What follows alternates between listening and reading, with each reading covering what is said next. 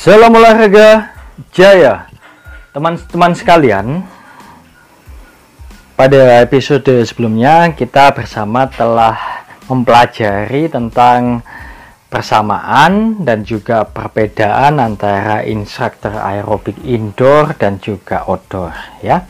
Di situ ada beberapa kesamaan yang dimiliki dan juga tentu ada perbedaan-perbedaan yang mencolok antara instruktur aerobik indoor dan outdoor. Pada kesempatan kali ini bersama kita akan belajar tentang apa dan bagaimana senam aerobik itu ditinjau dari sudut pandang member ya atau anggota senam aerobik. Nah, senam aerobik itu apa? Jadi senam aerobik itu agar kita bisa bantu jelaskan untuk para member bahwa senam aerobik merupakan salah satu bentuk aktivitas aerobik ya. Jadi senam aerobik itu hanya salah satu salah satu bentuk ya aktivitas aerobik ya sistem yang menggunakan oksigen aerobik merupakan suatu aktivitas dengan sistem pembakaran energi dominan menggunakan oksigen ya. Nah, di dalam senam aerobik ini energi yang digunakan selama aktivitas aerobik itu energi yang dibakar dari dalam tubuh berasal dari lemak. Ya, saya ulang sekali lagi. Dalam aktivitas aerobik, maka dominan energi yang digunakan adalah lemak. Nah, lemak ya. Nah, kita tahu bahwa lemak itu merupakan uh, suatu hal yang ingin banyak dikikis oleh para kaum hawa biasanya. Kalau mereka memiliki banyak timbunan lemak itu tentu akan mengganggu penampilan mereka ya. Bukan hanya kaum hawa tetapi untuk kaum adam para lelaki juga timbunan lemak yang terlalu banyak juga tidak akan membuat bagus. Uh, ototnya tidak bisa terlihat secara optimal ya. Jadi aktivitas senam aerobik merupakan aktivitas yang kita bisa lakukan dengan tujuan untuk membakar lemak di dalam tubuh ya. Nah, secara umum orang akan melakukan senam aerobik untuk menurunkan berat badan. Nah, di sini. Jadi uh, salah satu aktivitas olahraga yang direkomendasikan untuk menurunkan berat badan melalui pembakaran lemak yaitu senam aerobik. Nah, itulah alasan mengapa kok uh, teman-teman banyak melihat ya para ibu-ibu kok rajin sekali latihan di sanggar senam seminggu tiga kali dan sebagainya. Karena mereka ingin menurunkan berat badan atau menjaga penampilannya dengan uh, mengurangi jumlah lemak dalam takaran yang ideal. Ini adalah alasan mengapa seseorang melakukan senam aerobik. Nah jadi uh, pengalaman saya dulu banyak para member yang uh, ingin menanyakan bahwa uh, bagaimana caranya agar berat badannya bisa lebih turun, membentuk otot dan lain sebagainya. Jadi waktu kita uh, bekerja sebagai instruktur aerobik, mereka uh, dalam berkembangnya tidak hanya menanyakan tentang aktivitas senam aerobik itu sendiri ya. Jadi kaitannya dengan gerakan, dengan musik, tetapi akan berkembang pada lingkarannya yang berkaitan dengan uh, kesehatan dan kondisi tubuh. Nah, sangat mungkin nanti teman-teman setelah mengajar senam aerobik akan ditanya, Mas, Mbak, ini badan saya kok gemuk ya, bagaimana cara saya agar lebih langsing? Nah, ada yang bertanya begitu. Ataupun pertanyaannya bisa berubah menjadi begini. Mbak, ini uh, perut saya kok besar ya Mbak ya, bagaimana cara saya melatihnya? Ada yang begitu ya. Ataupun sebaliknya badan saya kok kurus ya mbak ya? Bagaimana saya meningkatkan berat badan saya? Nah Jadi macam-macam. Setiap uh, member memiliki permasalahan yang berbeda antara satu dan yang lain, memiliki harapan yang berbeda antara satu ya dan yang lain.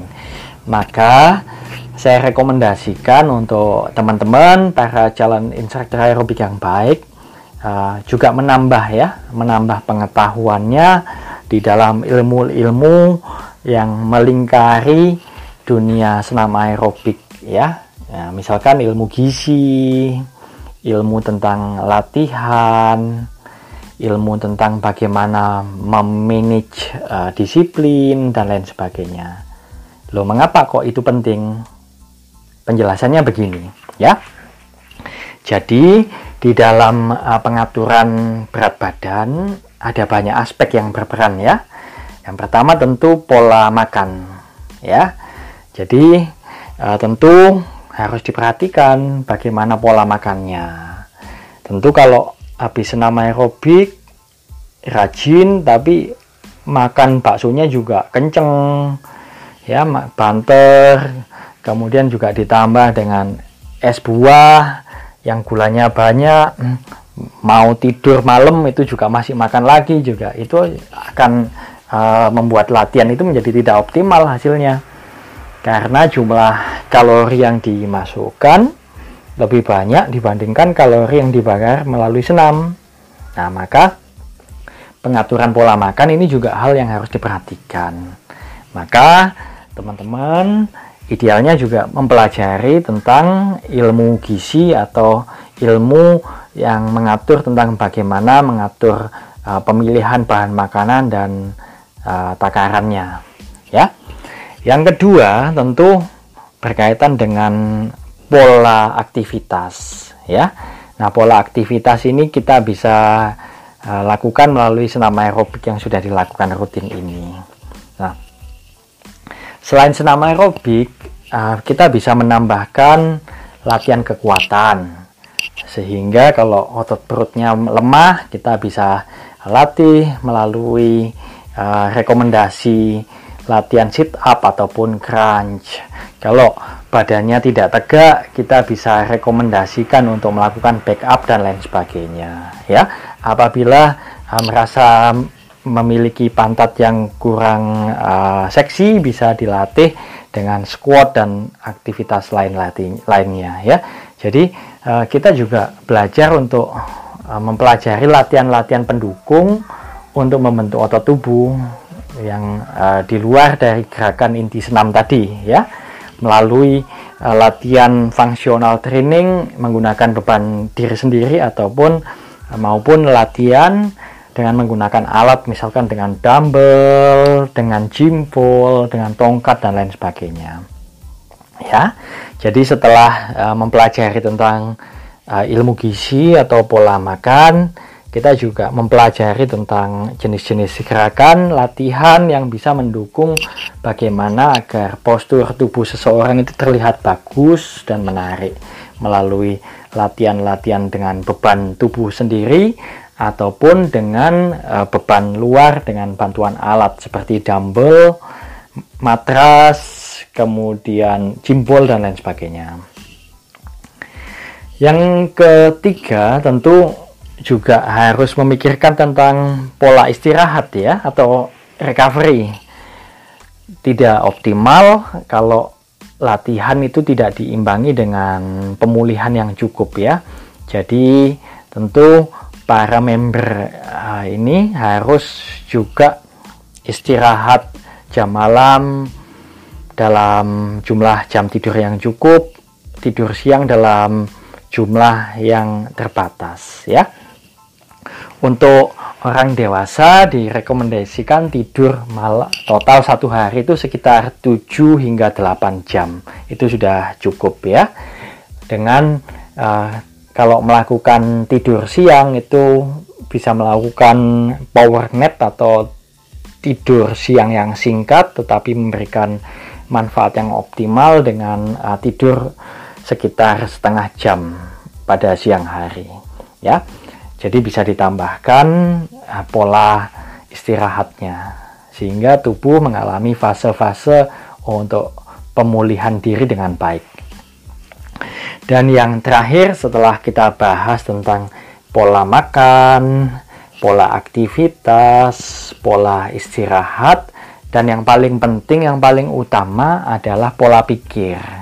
Ya, nah, pola pikir itu maksudnya apa? Pola pikir itu maksudnya adalah bagaimana diri kita bisa disiplin, bagaimana diri kita bisa konsisten, bagaimana diri kita selalu uh, semangat dan tidak menyerah untuk berlatih secara rutin, melakukan kombinasi senam aerobik dan latihan kekuatan, mengatur pola makan dengan baik, membatasi asupan gula, lemak. Nah, ini tentu dibutuhkan pola pikir yang kuat ya, pola uh, kualitas mental yang bagus untuk bisa disiplin, konsisten dan pantang menyerah dalam menyinggapai tujuan ya. Maka penting bagi kita untuk menata pola pikir ini ya. Pola pikir ini sangat penting sekali di dalam proses untuk menjaga ke berlangsungan dan keteraturan dalam menjaga pola makan, pola aktivitas dan pola istirahat. Nah, ini ya. Jadi kalau kita ngomong pola pikir, biasanya ini berkaitan dengan psikologi olahraga atau yang berkaitan dengan mental.